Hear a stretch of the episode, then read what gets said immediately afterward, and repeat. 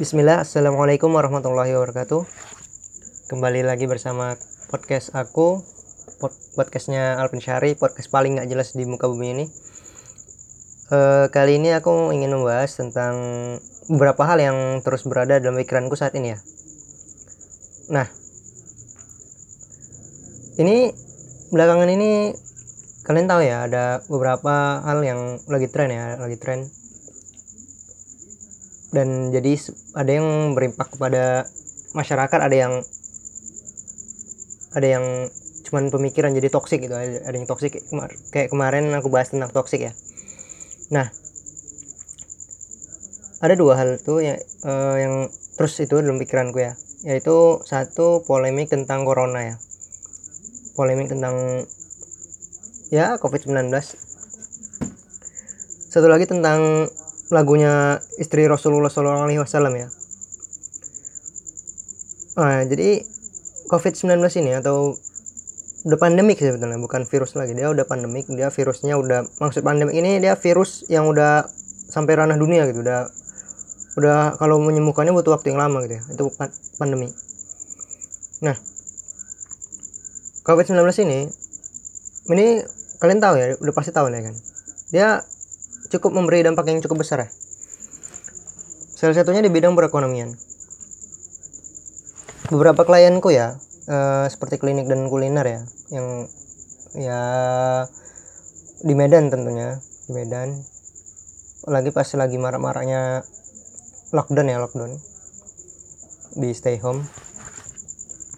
Nah, itu terpaksa harus menutup sementara bisnisnya gitu mereka sih nggak masalah karena udah besar ya. Udah aku sih nggak terlalu fokus ke sana karena yang udah udah pasti udah ada dana stok lah dana stok.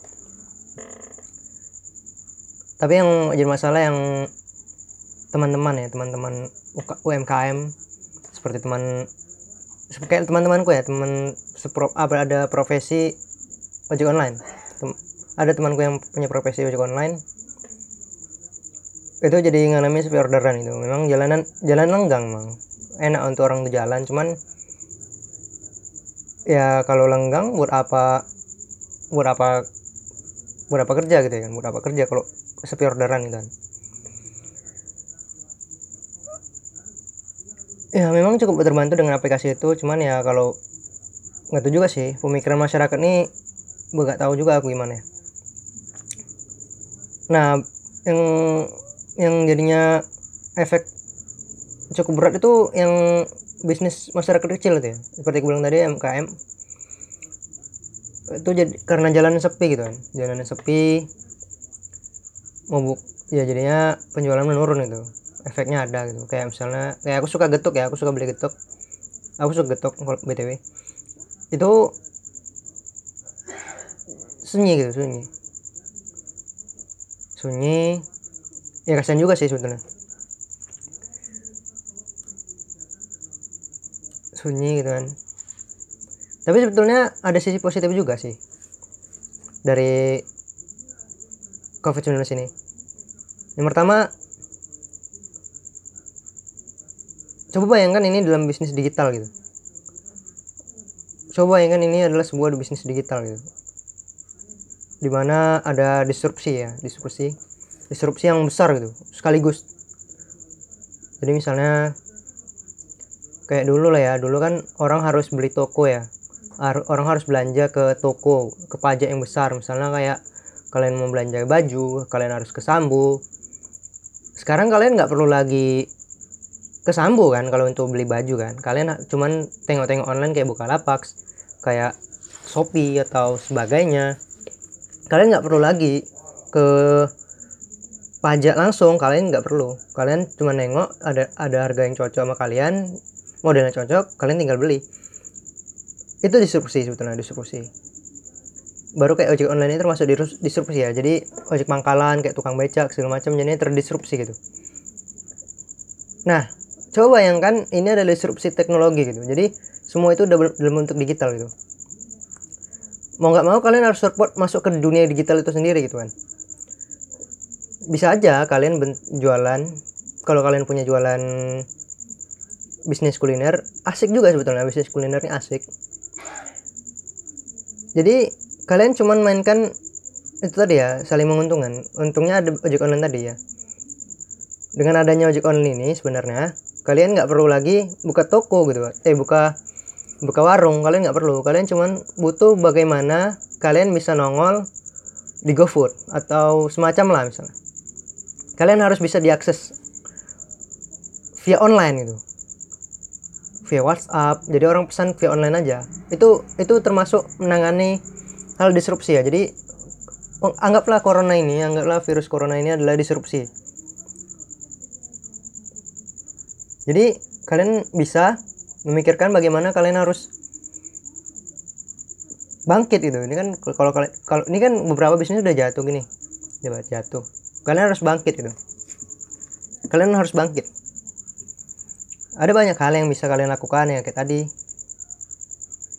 Kalian mulai promosi di WA model ah, kalian bisa antar sendiri. Yang penting kalian jaga kesehatan gitu kan. Nah sisi positifnya itu tadi ya. Kalian harus jadinya harusnya terbuka gitu harus terbuka gitu. Terbuka akan dunia digital. Karena ini seharusnya ini ke depan mungkin akan seperti itu ya. Kita nggak tahu juga ya. Tapi ke depan teknologi itu kejam ya. Teknologi itu kejam. Dunia teknologi itu kejam. Jadi anggaplah ini seperti itu gitu. Ke depannya kita akan pasti seperti itu. Jadi bagaimana memikirkan kalian kalian nggak perlu kalian nggak perlu harus keluar rumah gitu juga. Jadi kalian harus bagaimana bisnis itu tetap berjalan tanpa kalian harus keluar rumah gitu contoh kayak kuliner kalian bisa aja kalian jualan getuk kan getuk ya kirim kirim-kirim saja. Tinggal bagaimana kalian memasarkannya. Nah yang kedua bagus ya sebetulnya. Aku ngerasain sih sunyi jalan tuh enak ya. Aku pernah sekali keluar ya nengok sekeliling jalan sunyi gitu ya. Baru nengok cerita kawan-kawan yang di Medan dan di beberapa kota sunyi memang sunyi enak tuh. Jadi ada di kayak di komunitas fotografi ya orang tuh sering share kalau Jakarta itu langitnya biru gitu nggak ada asap lagi gitu kan. Itu kan bagus berarti kan. Jadi itu tadi ya secara nggak langsung kalian harus berpikir kayak mana ini bisa ini ini kayak mana kalian bisa bangkit lagi gitu. Ini kan jadi sebuah masalah problem. Meskipun efeknya ya tadi ya kalau yang masyarakat kecil yang nggak belum yang masih belum mau menyentuh teknologi agak agak gimana ya gitu ya uh, itu tadi ya. Kalau bisa kalian bantulah. Kalian harus membantu mereka. Karena kayak mana pun semua mengalami efeknya itu jadi perekonomian bisa tetap jalan gitu kan nah yang sisi positifnya lagi kemanusiaan ya kemanusiaan. Orang-orang jadi peduli sama sekitar gitu. Orang-orang jadi peduli pada sekitar. Aku aku aku aku baru tadi baru keluar ya. Aku pertama kali keluar tadi ke Pakam aku keluar. Aku keluar ke Pakam biasa ya interview interview ya barangkali bisa tembus proyekku gitu kan proyekku ya jumlah klien lah. Ya alhamdulillah sedikit berminat dia dengan proyekku ini. Mudah-mudahan deal ya kan. Doakan saja insya Allah. Nah. Jadi klienku ini pun walaupun dia udah bisnisnya banyak gitu dia udah punya bisnis banyak gitu kan punya bisnis banyak udah besar dia udah punya banyak bisnis lah. Dia bilang sukses lah dia. Cuman dia masih berpikir bagaimana mempekerjakan seseorang. Eh nanti aja kita bahas itu. Nah sisi kemanusiaan oke.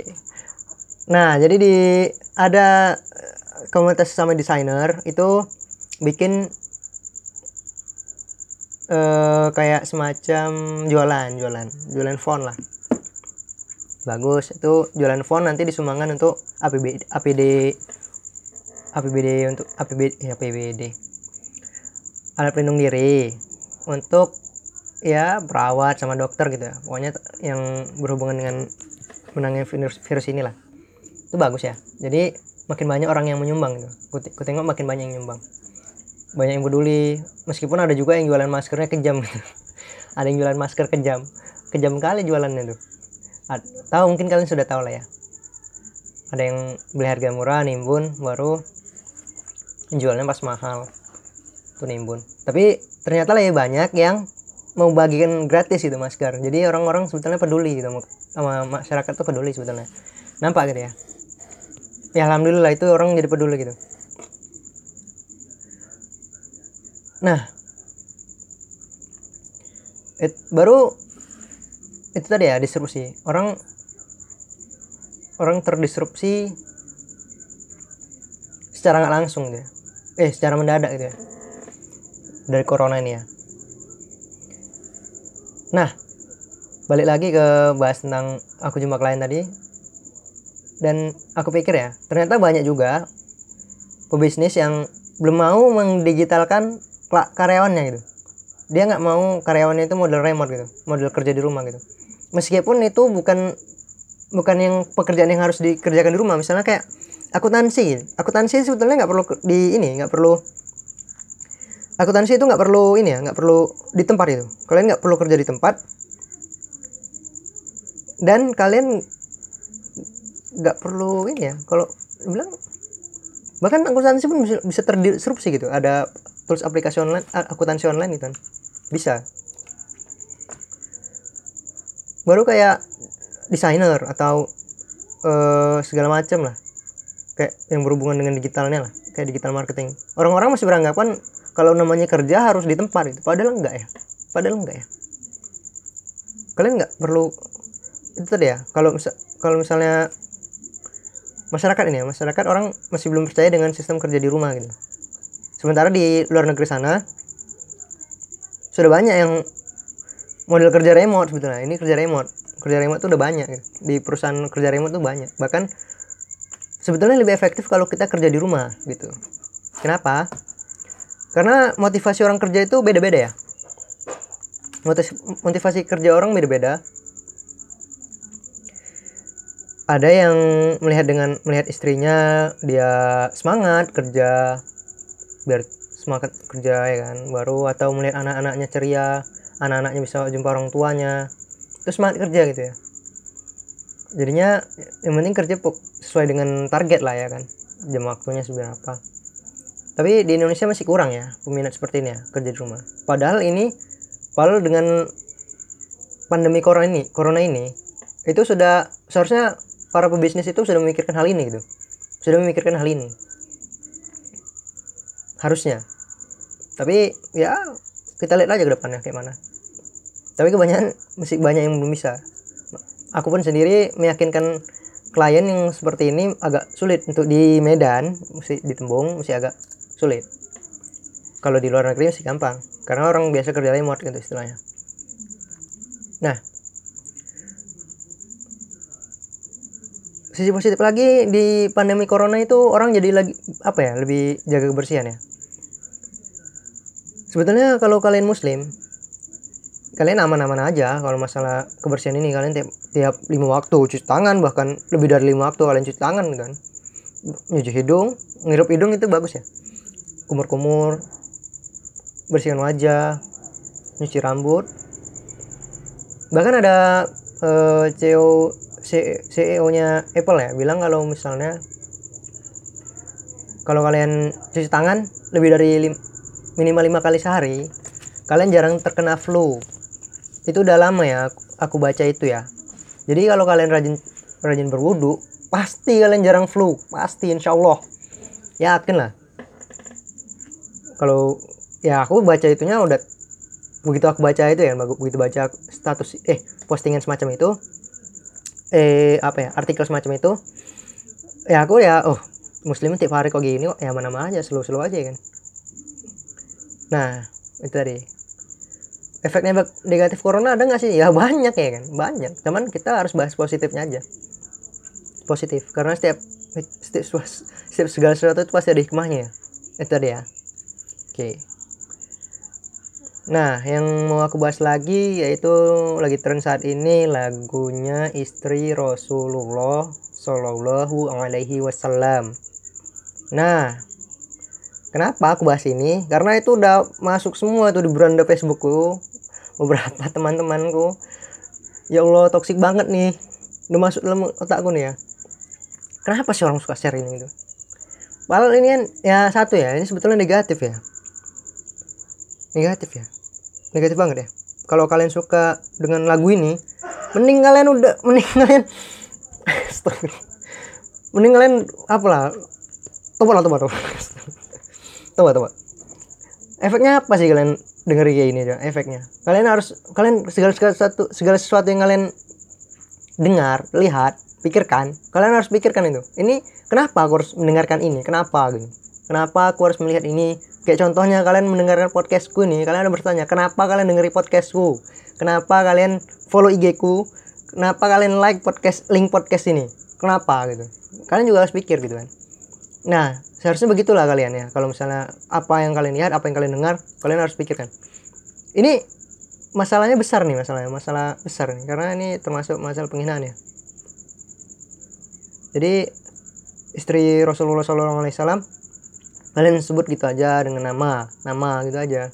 Nama baru kalian nyanyi nyanyi dan ya musik itu haram ya. Kalau aku pendapat musik itu haram ya. Kenapa meskipun kalian bilang itu baik tapi musik itu tetap haram meskipun dia liriknya baik.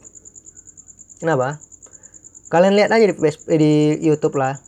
DJ DJ judulnya DJ Aisyah Siti Rasulullah pasti ada itu. Jadi kalau kalau bilang musik itu baik kalau liriknya baik baik kalian harus jauhi toksik toksik yang masuk dalam pikiran kalian. Kalian harus bertobat dari toksik toksik yang terjadi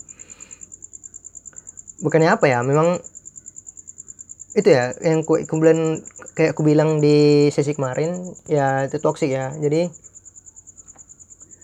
lama-lama kalian pelan-pelan jadi uh, terdoktrin sesuatu yang aneh gitu. Contohnya apa? Kalau kalian mudah menyanyikan hal semacam ini ya otomatis kalian ya aku nggak bilang apa tapi aku aku dulu seperti kalian ya. Suka dengerin lagu yang seperti ini gitu seperti ini. Efeknya nggak ada apa-apa efeknya kembali ke dengeri jadinya aku jadi dengerin lagu yang aneh-aneh juga aneh-aneh dengerin lagu aneh-aneh. Aku malah lebih suka musiknya bukan lirik lagunya. Jadi sebetulnya yang masuk dalam pikiran kita itu musiknya bukan lagunya. Bukan bukan itu itu tadi jadi kalian harus mulai pikirkan kenapa kalian harus mendengarkan ini gitu. Kenapa harus mendengarkan lagu ini gitu. Nah. Ini fatal ya sebetulnya kalau aku menurut fatal juga ya. Kenapa ya? Karena termasuk penghinaan juga sih. Ya semoga Allah mengampuniku ya. Karena aku udah ngomong gini sih. Si perkataan kita dipertanggungjawabkan. Nah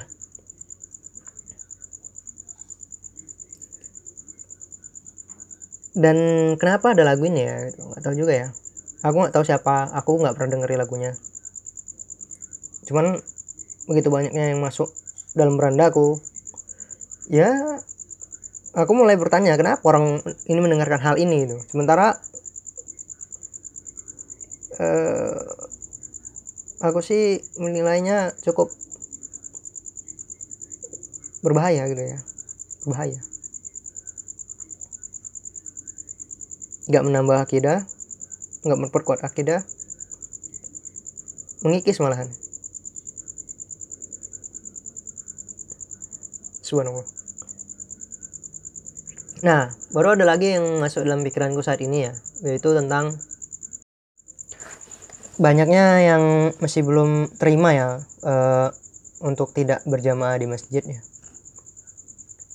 Tapi ini riskan ya karena memang penyebaran COVID-19 ini cukup penyebaran cukup mudah gitu ya. Makanya begitu cepat statusnya menjadi anda, ada pandemik gitu, pandemi. Nah, ikuti aja ya saran dari MUI ya, MUI sama Kemenak ya apalagi peraturan pemerintah ya kenapa ya karena sebagai seorang muslim kita juga harus tetap taat kepada pemerintah ini bukan perkara tentang bukan perkara tentang uh, gimana ya? Bukan perkara tentang ya afdal berjamaahnya bu- bukan juga. Karena ini masalah masalah masalah udah masalah ini ya udah masalah cukup berat ya. Sementara kalau hujan saja kita hujan deras saja kita udah berjamaah di masjid itu udah gugur gitu. Berja maksudnya eh, kewajiban untuk berjamaah di masjid itu udah gugur gitu kan. jadi lihat juga kondisi apakah di negeri kalian misalnya kayak mungkin di eh, Riau eh Riau udah kena belum ya? Pokoknya di Medan Mui daerah Tembung masih aman. Tapi kalau di Medan sudah masuk ya di Aceh sudah masuk udah masuk jadi ikuti aja MUI peraturan MUI sana. Jangan terlalu ini ya jangan terlalu ya itu saja lah itu itu saja saran pemerintah karena kita harus taat kepada pemerintah. Kita tidak boleh mencela mereka ikuti saja. Nah lebaran ya lebaran. Kalau ada yang pengen lebaran ke kampung mungkin bisa dihindari lah ya. Kalian mungkin sudah pernah baca artikel-artikelnya kenapa nggak boleh mudik? Kenapa nggak boleh mudik? Kenapa nggak boleh bepergian? Ya karena itu untuk kebaikan kita semua. Insya Allah. Oke sekian dan terima kasih. Uh, ini hanyalah ocehan tidak bermanfaat dariku. Kenapa kalian harus mendengarkan hal ini kalian harus pikirkan kenapa? Tadi ya kenapa kalian mendengarkan hal ini? Podcastku ini terima kasih sudah mendengarkan. Ini hanyalah bagian dari latihanku sendiri. Karena uh, ya itu tadi ya aku mulai harus bisa melakukan hal ini. Meskipun aku harus tanpa wajah juga karena aku nggak suka tampil di depan umum di uh, cara gitulah tapi yang penting suaraku udah kedengeran. Ini melatih aku bicara aja. Oke assalamualaikum warahmatullahi wabarakatuh